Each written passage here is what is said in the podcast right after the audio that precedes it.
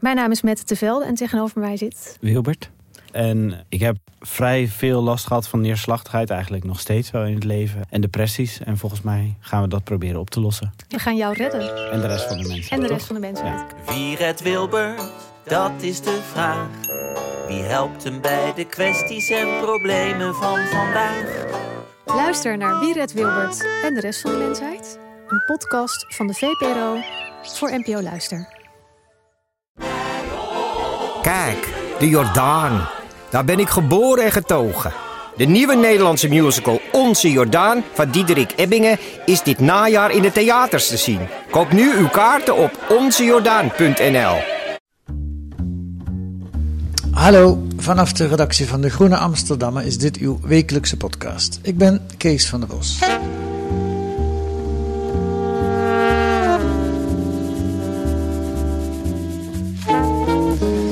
Er was een tijd dat ik Argos presenteerde, het onderzoeksprogramma van NPO Radio 1 van de Human en de VPRO. Wat lijkt dat alweer lang geleden. Maar in die tijd, beste podcastluisteraar, kwam er eens een mail binnen bij de redactie met de boodschap... Argos is best een goed programma, maar kan die presentator niet weg? Wat een vreselijke stem. Gelukkig kwam er ook wel eens een mail met complimenten. Die man praat zo rustig en hij, hij legt het zo goed uit. En nu kom ik bij mijn punt. In die mails zat een logica. Kritiek kwam vrijwel altijd uit de Randstad en complimenten kwamen uit de rest van Nederland, de periferie, de regio. De Randstedelingen voelen zich vaak de baas en misschien zijn ze dat ook wel een beetje. Maar er is een tegenbeweging gaande. Ligt de toekomst niet veel meer in de periferie, op het platteland, in de regio? Journalist Karel Smouter en fotograaf Michael Rebergen onderzoeken dat fenomeen in een serie artikelen waarbij ze uitgaan van de prikkelende stelling: wat als de periferie van Nederland nou eens het centrum zou zijn? Wat kunnen we leren van het noorderschap in Nederland? Zeker in tijden van crisis en isolement. Welkom Karel en welkom Michael. Dank je. Dankjewel. Karel, jij woont en werkt in Deventer. Trouwens, Michael, jij ook. hè? Jullie wonen en Ja. werken in Deventer. Ik woon en werk in Nijmegen, dus het is Oost-Nederlanders eh, onder elkaar hier. Ehm, jij bent correspondent, Karel, Oost-Nederland voor de NRC. Maar deze week is bekend geworden dat je een baan hebt gekregen. Of een andere baan moet ik misschien zeggen bij de NRC, namelijk je wordt chef media. Ja, Dan ben je verloren voor eh, Deventer. Ja dat, eh, dat kreeg ik ook veel terug eigenlijk van, eh, van lezers. Die zeiden, je laat ons op de steek. En eh, dat is een van de dingen die ik de afgelopen jaren ook wel interessant vond. Is dat mensen ja, daar zoveel waarde aan hechten dat ze, dat ze goed gerepresenteerd worden. Ja, Dat op het moment dat er NRC een, ja, een correspondent heeft lopen die, die naar ze luistert voor hun gevoel. En dan betekent dat echt iets voor mensen. Ja. Dus eh, ik heb eerlijk gezegd best wel wat teleurgestelde mailtjes in mijn mailbox gehad de afgelopen week. Eh, Berichten via allerlei eh, wegen. ja, Van mensen die zeiden, wat doe je nu? Dus eh, ja, ja. Maar waarom doe je het? nou dat heeft deels te maken met de nieuwe realiteit. Dan heb ik het natuurlijk over corona. Dus Ja. mijn vrouw is ook ZZP'er, ik ben ZZP'er. En de baan die mij werd aangeboden is, is in dienst. Dus, Ja. eh, dus dat is een deel van het verhaal. En een ander deel van het verhaal is dat media voor mij in mijn journalistieke werk eigenlijk altijd een rode draad geweest is. Eh, en dan vooral het reflecteren op media. Ik heb eerder bij de correspondent gewerkt. Nou, dat staat of valt natuurlijk helemaal met eh, mediakritiek. En ook dit project heeft uiteindelijk natuurlijk veel met Oost-Nederland te maken. maar zeker ook met ja, wat ik de mediakloof ben gaan noemen. Ja, Dus de ja, kloof eigenlijk tussen eh, de mensen waarover wordt geschreven en de mensen die de pen vasthouden. Ja. En dat is een van de dingen die mij heel erg boeit aan media. Hoe werken media? Ja, hoe eh, worden beslissingen genomen over eh, hoe het nieuws eruit ziet? En de kans die zich voordeed is om dat in NRC Handelsblad eh, ja, te gaan verslaan. En Ja. dat vond ik eigenlijk ook wel een hele mooie kans. Dus, Ja. eh, dus hoewel, hoewel het jammer is om mensen die nou ja, blij zijn met je werk als correspondent in de steek te laten, heb ik er zelf wel heel veel zin in. Ja. Ja. maar het voelt, ja, j- j- jij of jullie vormen in Deventer ook een soort eh, collectief hè, eh, op de fiets.nl. Ja, van, van de fiets.nl. van de fiets.nl. Ja. Ik heb die site bekeken, het ziet er prachtig uit. Ja. Eh, jullie afficheren je als een soort fietsende journalisten die, die door de regio fietsen. Dat geeft iets van bereikbaarheid voor de mensen. En je bent op zoek naar verhalen juist in Oost-Nederland. Juist. Eh, Michael, jij doet dat als fotograaf. Zeker. En, en jij doet dat als journalist. Jullie tweeën vormen dat collectief. Ja, je zou het, om in fietstermen te blijven, onze ten kunnen noemen. Verhalen vanaf de pedalen noemen we het. Ja. Ja. En wat betekent even dan naar jou, Michael, voor een fotograaf? Eh, Mijn eh, indruk van fotograaf, fotografen is dat ze nogal moeilijk. Kijk, uit het verhaal van Karel blijkt dat ook voor journalisten is het al moeilijk om het hoofd boven water te houden. Eén een van de twee moet vaak een vaste baan hebben, wil, de- wil, wil de ander kunnen freelancen. Fotografen hebben het misschien nog wel moeilijker. Hè? Zeker, het is eh, geen makkelijke tijd. En je bent journalistiek fotograaf? Of doe Journalistiek andere documentaire fotograaf noem ik Ja, mezelf. Ja. ja. Ik ben En- niet heel erg bezig met het harde nieuws verslaan. Nee. Maar je ziet er niet heel ongezond uit. Maar, maar, Dankjewel. maar ik bedoel, lukt het je om... Je bent ook ZZP'er dan, Ja, neem ik aan. ja. En, en dan lukt het je toch om, het, om een boterham te verdienen. Gelukkig wel, zeker. En ik werk niet alleen in, in het Nederland, maar ik heb eh, gelukkig ook buitenlandse cliënten waar ik mee werk. Dus dat maakt de scope wel iets, iets breder. En nu ga je Karel kwijtraken. Dat hoop ik niet, dat hoop ik niet. We zullen zien wat de toekomst voor ons brengt, maar wellicht gaan we samen nog wel eens op pad. Want hij legt de pen ook niet neer volgens mij bij zijn Nee. Nee, ik nieuwe functie. Dus, Klopt. Nee, maar goed, het gaat wel heel erg veranderen. ja. Zeker, maar dat, dat was het sowieso al wel hoor. Zijn correspondentschap bij de NSC heeft er ook wel toe geleid dat we helaas wat minder samen op pad konden. Ja, En eh, dat we afzonderlijk eh, ook hiervoor voor de Groene ons eh, onderzoek moesten doen. ja. Ja. Ja. de toekomst zal het leren wat dat gaat brengen. Ja. En even naar jou weer, Karel. Wat betreft die media-kloof. dan, eh, dan, daar bedoel je mee de kloof tussen de mensen die de media volschrijven en de mensen die, die het consumeren? Of bedoel je nog iets anders? Eh, ja, maar ik bedoel ook de, de mensen die het maken, eh, werken en wonen voor een belangrijk deel in één eh, stad, in Amsterdam. Ja, Een enkeling eh, eh, in Rotterdam van de schrijvende pers en je hebt natuurlijk Hilversum. Ja, Eh, eigenlijk in het deel van het land waar de minste mensen wonen, eh, wonen en werken bijna alle journalisten. Als Ja, het om de landelijke media gaat. ja, want in de regio, dat weten, dat realiseren weinig mensen zich, maar er wonen meer mensen dan in de Randstad. Ja, ik heb eh, een tijdje terug kreeg ik het NVJ-adressenbestand in handen. En toen kon ik precies kijken op basis van de woonplaats van mensen. Ja, waar wonen nou de, de leden van de Nederlandse Vereniging voor Journalisten? Ja, En eh, daaruit bleek eigenlijk dat uh, nou, by far de meeste mensen inderdaad uh, wonen in de plek van waar het werk natuurlijk ook zit. En dat Ja. is hier bij de, bij de redacties in de buurt. ja, En ik ben mezelf eigenlijk een beetje de vraag gaan stellen de afgelopen jaren van wat zijn daar nou de consequenties van? Ja. Eh, en dat is niet een vraag die ik zomaar uit mijn uh, mouw geschud heb, maar het komt ook wel omdat eigenlijk heel veel mensen uh, die ik eigenlijk over iets anders kwam interviewen, uh, hun beklag over de media zijn gaan doen bij mij. en dan kwam je mensen interviewen over ik, Lelystad Airport of over de Oostvaardersplassen of nou, noem allerlei grote thema's maar op. trek even die En, microfoon uh, bij mij. over de stikstofcrisis. Ja, Uh, en eigenlijk, vroeger of later kwam het er altijd op neer dat, ja, dat er bij heel veel mensen het gevoel heeft dat er een, een klasse is van mensen in Amsterdam en in Hilversum. Die bepaalt wat de rest van Nederland moet denken. Uh, en een klasse die als het ware letterlijk naar hun kijkt. En als je dan inderdaad bedenkt dat, dat 10 miljoen Nederlanders niet in de Randstad wonen, dan ben ik eigenlijk wel benieuwd. Wat zou er gebeuren als je het omdraait? Ja, ja. ja. Even voor de luisteraars, er zitten op de achtergrond wat geluiden die waarschijnlijk te maken hebben met de bouwactiviteiten hier. Maar uh, jullie zijn nog goed te verstaan. Um, ja, dat is wel een ding. Hè? Dus de meeste journalisten komen uit de Randstad. Ja, of die trekken daar naartoe. Ja. Ik heb zelf veel les gegeven, ook uh, op uh, journalistieke opleidingen. Onder andere in Zwolle, op uh, journalistieke opleiding Windesheim. Ja. En eigenlijk alle studenten die, die iets uh, in de landelijke media wilden, moesten vroeger of later ja, richting Amsterdam trekken. Ja. Uh, uh, wat eigenlijk een enorm verlies is. Want dat betekent ook dat er ja, ogen en oren vertrekken uit, uit de dorpen en de steden waar deze, deze jonge mensen wonen. Ja. En dat er uiteindelijk ook een bepaalde eenvormigheid komt in de media. Ja, nou ja, je, je, als er iemand over kan oordelen, zou ik zeggen, ben jij het wel in dit geval. Want je hebt zelf nu een aantal jaren in de regio heel bewust doorgebracht. Je bent vanuit Amsterdam zelfs naar Deventer ja, verhuisd. Ja. Um, en je zegt net, hè, van, je, je roept die vraag op, wat heeft dat voor gevolgen? Maar kun beantwoord die vraag ook eens. Wat heeft het voor gevolgen dat de meeste journalisten niet uit Deventer komen, maar uit de Randstad?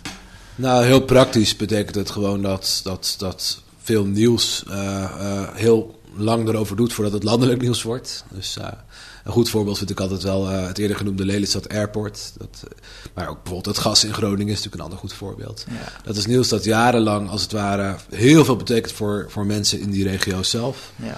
Maar ja, dus eigenlijk niet op de tafel komt van de beslissingmakers in Den Haag. niet op de tafel komt ook van de talkshows. Uh, dus dat is een heel duidelijk praktisch gevolg. Ehm, en een van de dingen die mij wel opvalt is dus een gevoel van wij worden niet gekend, wij worden niet gerepresenteerd. Ehm, dat zich heel moeilijk uh, in, in soundbites laat vatten. Um, maar dat er wel degelijk is. En dat eigenlijk tussen elk van die thema's die ik net noemde, als het ware ja, heen zijpelt. Ja. Ja.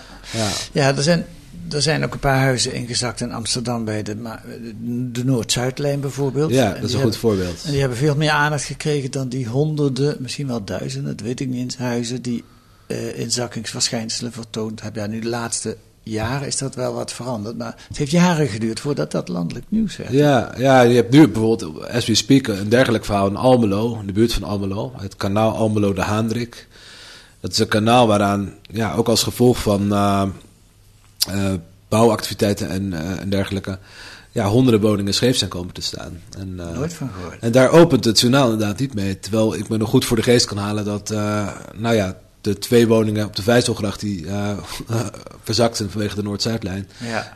nou ja, alle kanalen stonden ervoor open. Ja. En ik vind dat allemaal niet zo heel erg interessant om daar vervolgens een oordeel over te vellen. Ik bedoel, het is wat het is. maar ik ben de afgelopen jaren, eh, ook door mijn verhuizing deze, ja, richting Deventer, wel beter gaan begrijpen. Ja, dat dat op den duur ook uh, het vertrouwen uh, in de journalistiek erodeert. En, uh, en dat mensen hun interesse ook verliezen. Dus ja. het, een heel opvallend verschil van mijn leven in Amsterdam versus mijn leven in Deventer is dat, dat ik gewoon merk dat nieuws, journalistiek en dat soort dingen een veel kleinere rol inneemt eigenlijk in de wereld waarin ik ben gaan wonen in Deventer. Hm. En als je dan doorvraagt, dan is een argument dat, dat je toch wel veel hoort van... Uh, ja, nee, ja, dat gaat toch niet over mij. Of uh, uh, nee, ik ben uitgeschakeld. Ja. En ik denk dat het voor een land niet goed is als dat het geval is.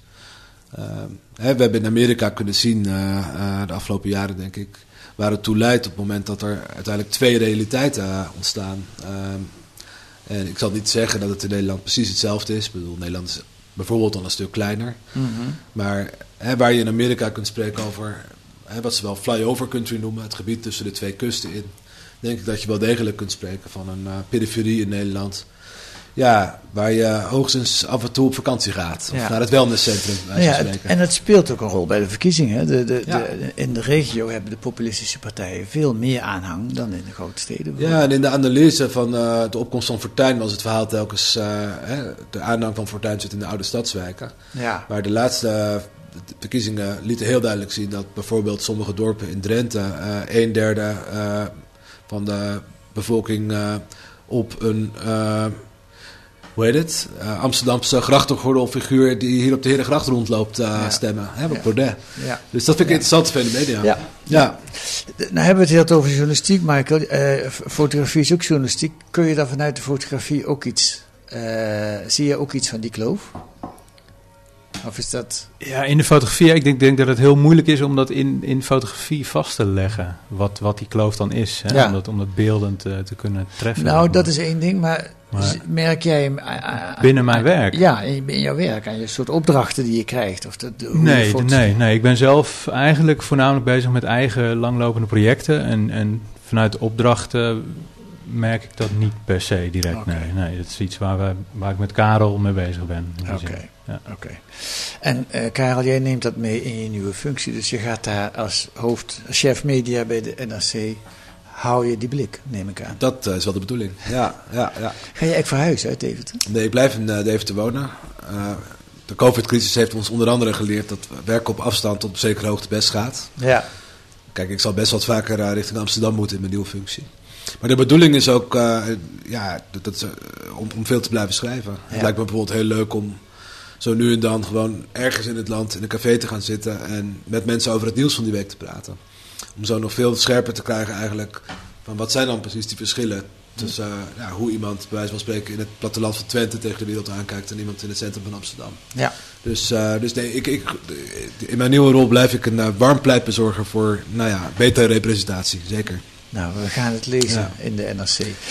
Ehm, ik ga jullie wat fragmenten laten horen, want er is iets aan de hand met het platteland. Op de een of andere manier is het in opkomst uh, de laatste tijd. In het Guggenheim Museum in New York loopt op dit moment de tentoonstelling Countryside, The Future. van Rem Koolhaas. En in een videofilmpje zegt hij er zelf dit over. The UN warned us that in the future there is a possibility that only 20% of mankind would live in the countryside. I think that would be such an incredibly both dangerous but also kind of simply simplistic and, and absurd neglect of all kinds of potentials. The Guggenheim is a place where great artists question the future. It's not a labyrinth of galleries. It's a linear narrative, but it cuts back in time and space. Rem's ambitions with this project are as big as they've ever been in his career, and I really don't think there's another place that could hold such ambitions as the Guggenheim. En die laatste was natuurlijk een curator van het eh, Guggenheim Museum. Maar het is op zich heel bijzonder. Het grote Guggenheim Museum in New York maakt een tentoonstelling over het platteland. Voordat we daarover gaan praten, ga ik je eerst nog een ander fragment laten horen. En dat komt van onze Rijksbouwmeester Floris Alkemade. Die vier jaar geleden al uh, in, in, in, in, een toespraak, een uh, webmagazine van Tracy Metz, ook een NRC-journaliste onder andere, dit zei over de opkomst van het uh, landelijk gebied. Platteland is niet het platteland zoals we dat kennen van boer zoekt vrouw. Waarin de binnenstad van Amsterdam de veranderingen niet zozeer in de vorm, maar vooral in het gebruik ervan liggen, geldt voor het platteland min of meer het omgekeerde. De vorm verandert daar voortdurend. Het is misschien contra-intuïtief, maar termen zoals vrijheid, radicaliteit, moderniteit zijn tegenwoordig meer van toepassing op het platteland dan op het stedelijk gebied. Karel, Michael, wat gebeurt hier? Wat, wat, wat voor trend uh, tekent zich hier af? Nou, wat je volgens mij heel erg ziet, is dat uh, uh, het leven in de stad op zijn grens aan het lopen is. fysieke grenzen. dat zien we natuurlijk aan de woningmarkt, met name de Randstad. En dat maakt dat de periferie ineens een nieuwe aantrekkelijkheid krijgt, ook voor stadsbewoners als de cijfers uh, van de afgelopen jaren zich doorzetten, gaan we dit jaar voor het eerst meemaken dat er meer mensen van het westen naar het oosten van het land trekken uh, als andersom. Dus uh, dat zie je de afgelopen jaren echt, ja, ik zou bijna zeggen, exponentieel toenemen. Dus dat is het eerste wat je ziet.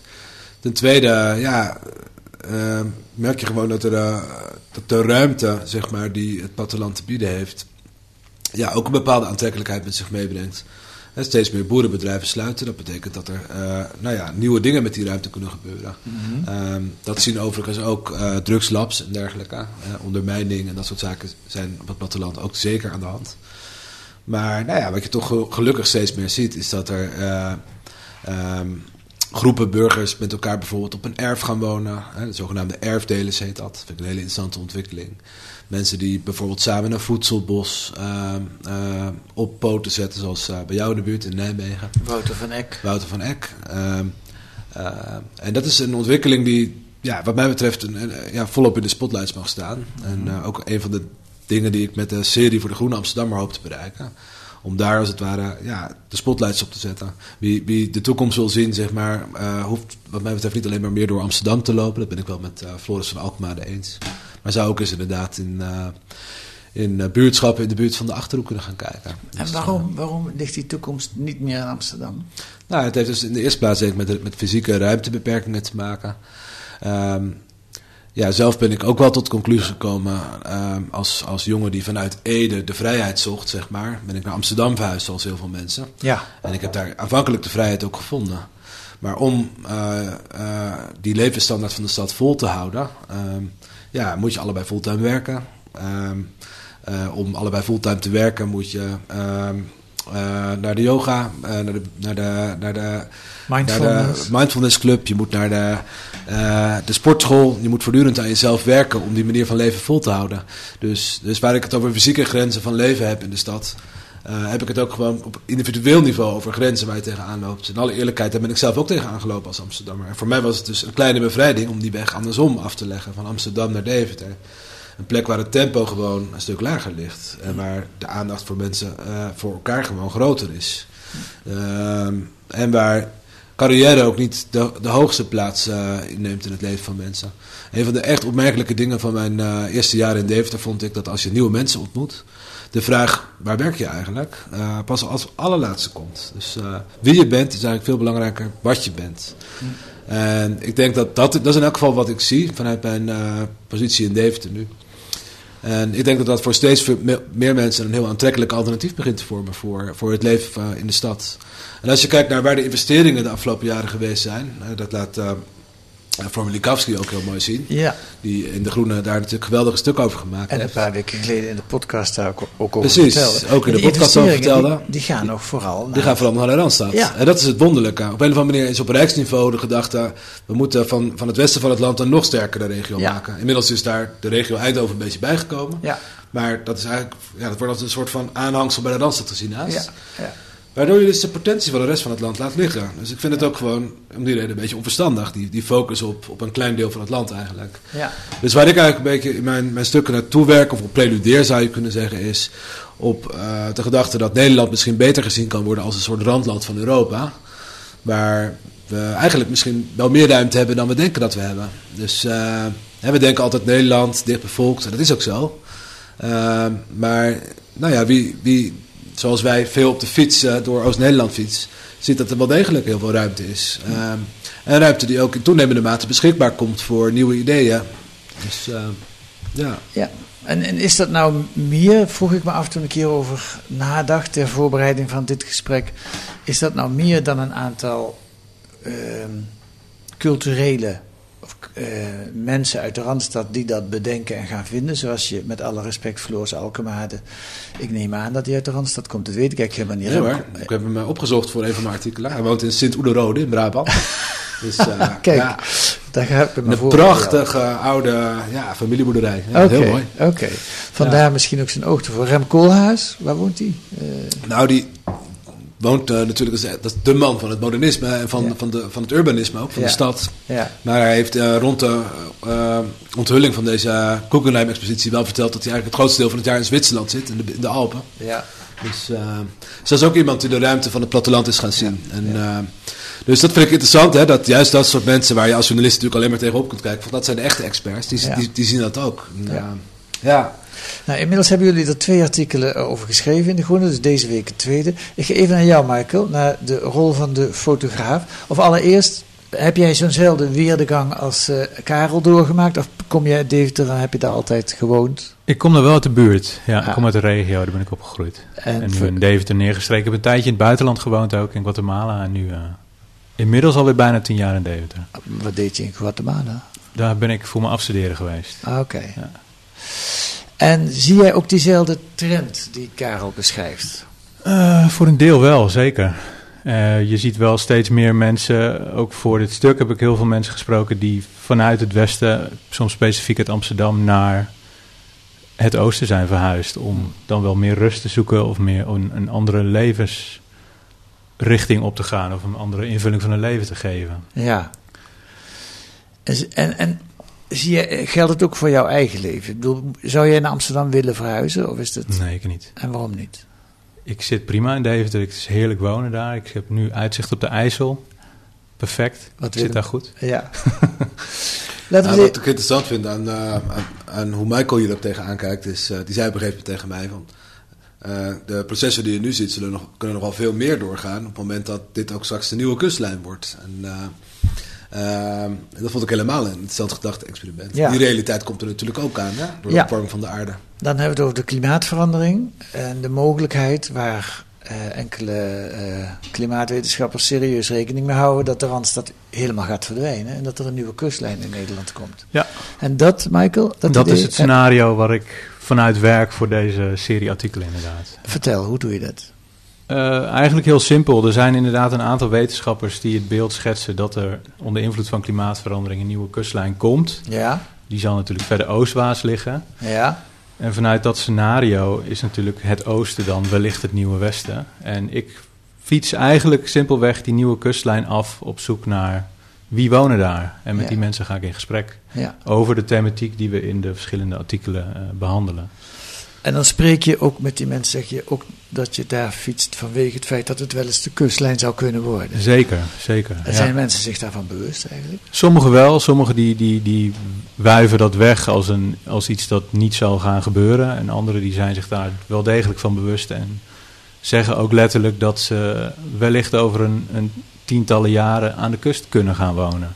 Hm. Of hebben verhalen van, van oma's die eh, het water al aan, aan, de, aan de vensterbank hebben zien staan, jaren geleden. Bij, bij, een keer bij hoogwater. Bij hoogwater, ja. ja, ja, ja. Mag ik jou vragen, kies eens, we hebben de, die groenes voor ons liggen. Kies eens een foto uit die voor jou typerend is. eh, of misschien weet je het wel, de mooiste foto die je bij deze artikelen tot nog toe gemaakt hebt. En vertel daar eens iets over. Eh, ja, ik vind ze allemaal heel fijn. Ik vind het allemaal mooie platen, maar... ehm, Ze zijn heel sfeervol. Ik maak ze allemaal analoog, met een oude analoge camera. Oké. Eh, dat maakt dat je ja, bewuster bezig bent met wat voor beeld je schiet, omdat je simpelweg nog maar tien beelden op een rolletje hebt zitten. Het is ook heel stil op die foto's. Ja, ja. me op. Ja, er zit een soort... Als ze, als ze Ja, ik ben ook wel op zoek naar een soort ruimtelijk, eh, ruimtelijk beeld, hè, om het landschappelijke eh, vast te leggen. Ja. Wat zowel in de eerste openingsfoto van het eerste artikel, waar, waar we mee begonnen zijn, en, het, en voor het tweede artikel ook weer. Ja. Ja. En wat ik wel wat ik heel leuk vond en waar, waar ik wel heel blij mee was, was de, de tweede foto vanuit het tweede artikel, waar ik op, letterlijk op een paar buren stuitte die met elkaar in gesprek zijn over eh, de angst die ze koesteren voor de westeling die naar het oosten trekt. Laat me even beschrijven wat we zien. We zien een man op een fiets. Heeft hij klompen Ja, aan? meneer Maatman, Meneer Maatman heeft klompen aan? Of? die heeft klompen aan Ja. inderdaad. En dan staat een meneer tegen de auto geleund met Ja. eh, eh, een soort eh, karakteristieke houding. Staan ze op COVID-afstand met elkaar eh, te praten. Maar misschien zou ze dat zonder COVID ook wel doen, dat weet ik niet. Eh, en meneer Maatman, en wie is die andere? Eh, zijn naam weet ik zo even niet meer. Maar nee, ik heb een tijdje met meneer Maatman daarna nog eh, gekletst. En op de achtergrond een mooie grote boom. En wat wil je over deze foto zeggen? Nou ja, deze, deze, dit zijn buren van elkaar. Ja. Ehm, en zij praten over het gegeven dat er een huis gebouwd gaat worden in diezelfde straat. Ja. Eh, nou, men, het is in Middel, het is een klein buurtschap in, in de buurt van Deventer. Waar ik enkele dagen doorheen ben gefietst. En nou, ja, zij, zij zijn eh, ergens een beetje angstig voor het gegeven dat er steeds meer mensen vanuit het westen naar een dorpje als Middel eh, komen. En daardoor de, de tradities en de culturele waarden langzaam eh, veranderen. Ja, die kant zit er ook weer aan natuurlijk. Ja. En dit was letterlijk een gesprek wat zij voerden. Dus dit was natuurlijk voor mij als fotograaf was het een heel mooi moment om, Ja. om te kunnen vastleggen en dat mee te kunnen nemen voor, voor dit artikel. Ja. Oké, dat is natuurlijk één spanningsveld wat er in deze ontwikkeling zit. Een ander spanningsveld, dan ga ik weer even richting jou, Karel. Tenminste, als je, Michael, als jij er over iets over wil zeggen, dan mag dat natuurlijk ook. Maar ik, ik neem aan dat ik naar Karel moet kijken. Ja. Ehm, het na, het na, naberschap heeft zo ook zijn nadelen. De, de, je zorgt voor elkaar, je houdt elkaar in de gaten. Maar je kijkt ook naar elkaar. Eh, als je gek doet, of als je problemen... De, Ja. hè, er, wordt niet, eh, er wordt niet altijd eh, in dank afgenomen. En dat zit in jullie artikel in het eh, verhaal van... En dan moet ik even kijken, Jolien Dan tien, Jantien klein Iking. Klein Ikink. Ja. Vertel haar verhaal eens. Ja, nou, ik begin eigenlijk altijd al mijn zoektocht met eh, een oproep op sociale media van... oké, mijn volgende stuk gaat over naberschap. Met wie moet ik spreken? Ja. En zo kom ik eigenlijk al tippend, zeg maar, kom ik bij, bij mensen uit die daar iets interessants over te vertellen hebben. Het verhaal van Jantien vind ik interessant, omdat ze eigenlijk iemand is die een wereldreiziger werd. Ze is geboren en getogen op het boerenland van eh, de Achterhoek. Het Vragender komt ze, ja. Ik had er nog nooit van Een gehoord. buurtschap ook is bij eh Lichtenvoorde in de buurt. En eh, echt, eh, nou ja, hartje Achterhoek. Ehm, en nou ja, zoals veel eh, jonge mensen, zeg maar, is zij een tijdje op wereldreis gegaan. En ze heeft een tijd lang ja, de, de, de, de, digitale nomade lifestyle aangehangen. Dus eh, op Instagram was zij een veel gezien, eh, nou ja, blogger over, over, over wereldreizen.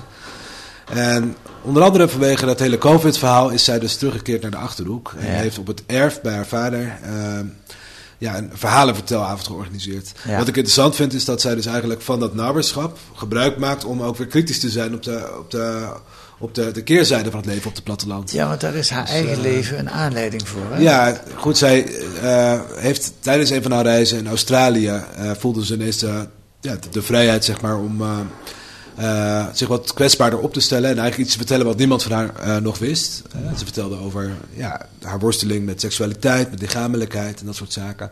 En over En, overlijden van haar. En over het, nou ja, dat, dat ging nog niet eens daarover, maar inderdaad ook haar, ze, ze heeft een oudere broer die overleden is op jonge leeftijd, waar ook nooit over gepraat werd. Ja. Wat ik interessant vond is, ze vertelde mij over hoe haar familie daar op het boerenerf in Vragende reageerde op, op haar openheid van zaken. Heel erg met het idee van, nou, hallo, morgen sta ik weer in de, eh, in de supermarkt en dan word ik erop aangesproken op jouw verhaal. Hè? Je hangt de vuile was niet buiten. En eh, die openheid, kun je dat ook even laten, zeg maar. Dus, eh, en wat ik ergens al ontroerend vond in haar verhaal, is dat ze op een gegeven moment dus terugkeerde naar haar boerderij en letterlijk ja, in een voor de gelegenheid leeggemaakte stal honderd mensen uit de Achterhoek uitnodigde om ja, elk ook hun verhaal te vertellen. En het waren vaak hele kwetsbare verhalen over burn-outs, over vastgelopen levens. Van over- buurtgenoten. Van buurtgenoten. Eigenlijk denk ik mensen die allemaal voor de eerste keer, dat was eigenlijk het criterium, iets vertelden wat ze nog nooit aan iemand hadden verteld. Dus ehm, Echt gebeurde. ja, echt gebeurde verhalen. True stories told live. Dat is een Ja. beetje het concept zoals Ja. het noemt. Ja. En ehm, Ja. eh, nou ja, op die avond vond ik kwam, kwam heel veel eh, eh, naar, naar boven, wat dus ja, anders vaak binnen gehouden wordt. Want inderdaad, hè, ik, heb ook zeker wel de voordelen willen benoemen in mijn stuk over naberschap, van naberschap en van die manier van kijken en leven met elkaar. Maar er zijn genoeg mensen die juist ook dat klimaat een beetje hebben ontvlucht. Vanwege het verstikkende ervan. Maar wat ik dus interessant vind, is dat zij, en niet alleen zij, maar ook anderen, ja, toch eh, dat concept naberschap proberen te moderniseren. Daar een nieuwe draai aan proberen te geven. Eh, eh, en de essentie van, nou ja, wij vormen een gemeenschap van mensen die naar elkaar kijken en met elkaar leven. eh, in stand houden, maar met, met de nare kanten ervan, zeg maar, eh, eh, ondervangen. Door bijvoorbeeld zo'n storyavond. En dat vond ik in ieder geval een hele beeldende scène, ook om nou ja, tegelijkertijd dus te laten zien wat de problemen van naberschap zijn en wat je er eventueel aan kan doen. Dus, Ja. dus dat is het verhaal van Jan Tien. Je zou, je zou kunnen zeggen wat in de grote stad zich uit als eenzaamheid. Ja. Mensen zijn alleen, hebben niemand. Uit zich als nadeel, als, als, als gevaar, als, als schaduw. Uit zich in, in, op het platteland als verstikkendheid. Als, Ja, mensen zijn vaak vanaf de basisschool al eh, vriendengroepen. Ja. Ehm, eh, ik heb ook wel, eh, ook samen met Michael in Lunteren zo'n vriendengroep opgezocht. in de Kate. En dan merk je, het is ergens natuurlijk een droom. Hè? Dat je dus als jongere al een eigen café op het erf van je ouders hebt. En een enorm veld waar je met de crossmotor rondjes kan rijden. En aan de andere kant, dit zijn de mensen met wie je het het hele leven te doen hebt, zeg maar. Dus Ja. eh, je wordt ook wel van je verwacht dat je die mensen trouw blijft. En eh, dat je, nou ja, misschien een tijdje weggaat, maar in ieder geval altijd weer terugkomt. Ja. En, eh, dus er zit schoonheid en, en, en beperking daarin, inderdaad. En het, ja, Nou, het is goed Ja. dat je het ook allebei ja. laat zien. Het zijn mooie verhalen in de groene. En er komen er dus nog meer. Alhoewel, komt dat nu in de knel met jouw nieuwe baan? Hoe gaat dat? Nou, ik ga er sowieso nog twee stukken maken. Ja. Eh, misschien heb ik het op mijn heup en wordt het er drie. Dat kan ook nog. en weet je al wat die dus, stukken eh, over, wat, wat voor aspecten dat worden? Nou, wat ik heel interessant vind, is waar we het net eigenlijk een beetje over hadden, is over innovatie eigenlijk. Ehm ehm, wat je eigenlijk ziet, is allerlei hele kleinschalige initiatieven. Die bijvoorbeeld aan lokale vormen van voedselvoorziening. ehm, we zijn bijvoorbeeld samen met z'n tweeën op de fiets wel eens langs geweest bij de melkbrouwerij. Dat is een, eh, een stel twintigers die een boerderij van eh, hun familie hebben overgenomen. En dat helemaal hebben omgevormd tot een soort ja, hip melkconcept eigenlijk. Dus, eh, eh, en zoals, als je goed kijkt, zijn, zijn er allemaal van dat soort plattelandspioniers eh, Ja. bezig. Ja. En waar ik in de, het restant van de serie eigenlijk wel meer aandacht voor zou willen hebben, is dus voor al die mensen die soms inderdaad met een achtergrond in het Westen, maar soms ook helemaal niet. Hè, eh, zeggen van nee, we hoeven niet eh, naar de grote stad om het te maken, we gaan het hier doen. En die misschien ook wel bijvoorbeeld ja, nieuwe wegen wijzen op het gebied van voedselvoorziening, eh, nieuwe wegen wijzen op het gebied van cultuur misschien ook wel. Hè, ik, eh, een tijdje terug was ik bijvoorbeeld ook bij een theatermaker die inderdaad ook vanuit Amsterdam naar Almen in de Achterhoek gegaan was. En die, die op haar erf een, een theater gestart is. Ehm, het Kamertheater. Eh, en niet alleen daar, maar ook bijvoorbeeld op het, uh, het dorpsplein uh, theatervoorstellingen opvoert.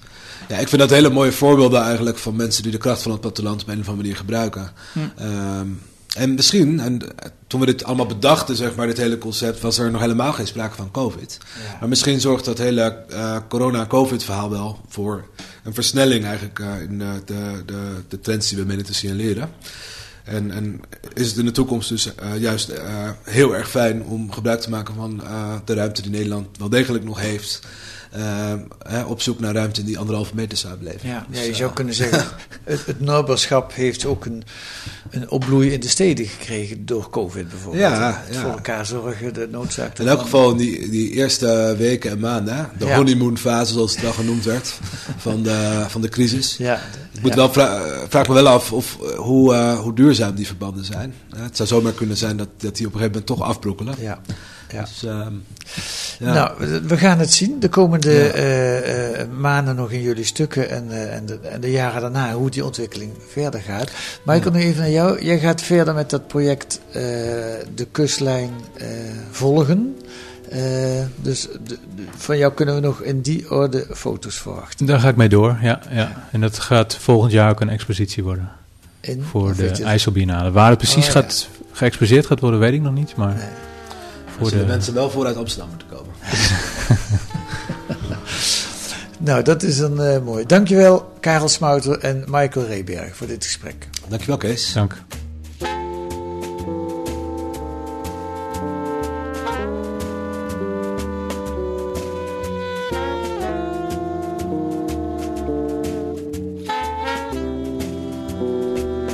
Verder in de Groene deze week. Van Douwes Dekker tot Gloria Wekker. De geschiedenis van ons kolonialisme in 18 cruciale boeken. En nog iets over de koloniën, de studie der koloniën. Maatschappelijk groeit de belangstelling voor de gevolgen van het kolonialisme. En de wetenschap hobbelt daar achteraan. Allemaal te lezen met een abonnement of een proefabonnement. Ga dan naar groene.nl. Dan leest u hoe u drie maanden de groene kunt krijgen voor 30 euro. Ga naar groene.nl. Wilt u reageren op deze podcast, dan kan dat via het mailadres podcast.groene.nl podcast.groene.nl en u mag ons ook sterren geven in uw podcast-app of een korte recensie. Volgende week zijn wij er weer met analyses en achtergronden bij het nieuws in deze podcast van de Groene Amsterdammer, die deze week werd gemaakt door Anda Silva en Kees van der Bos. En de muziek is zoals altijd het Tune for N van Paul van Kemenade.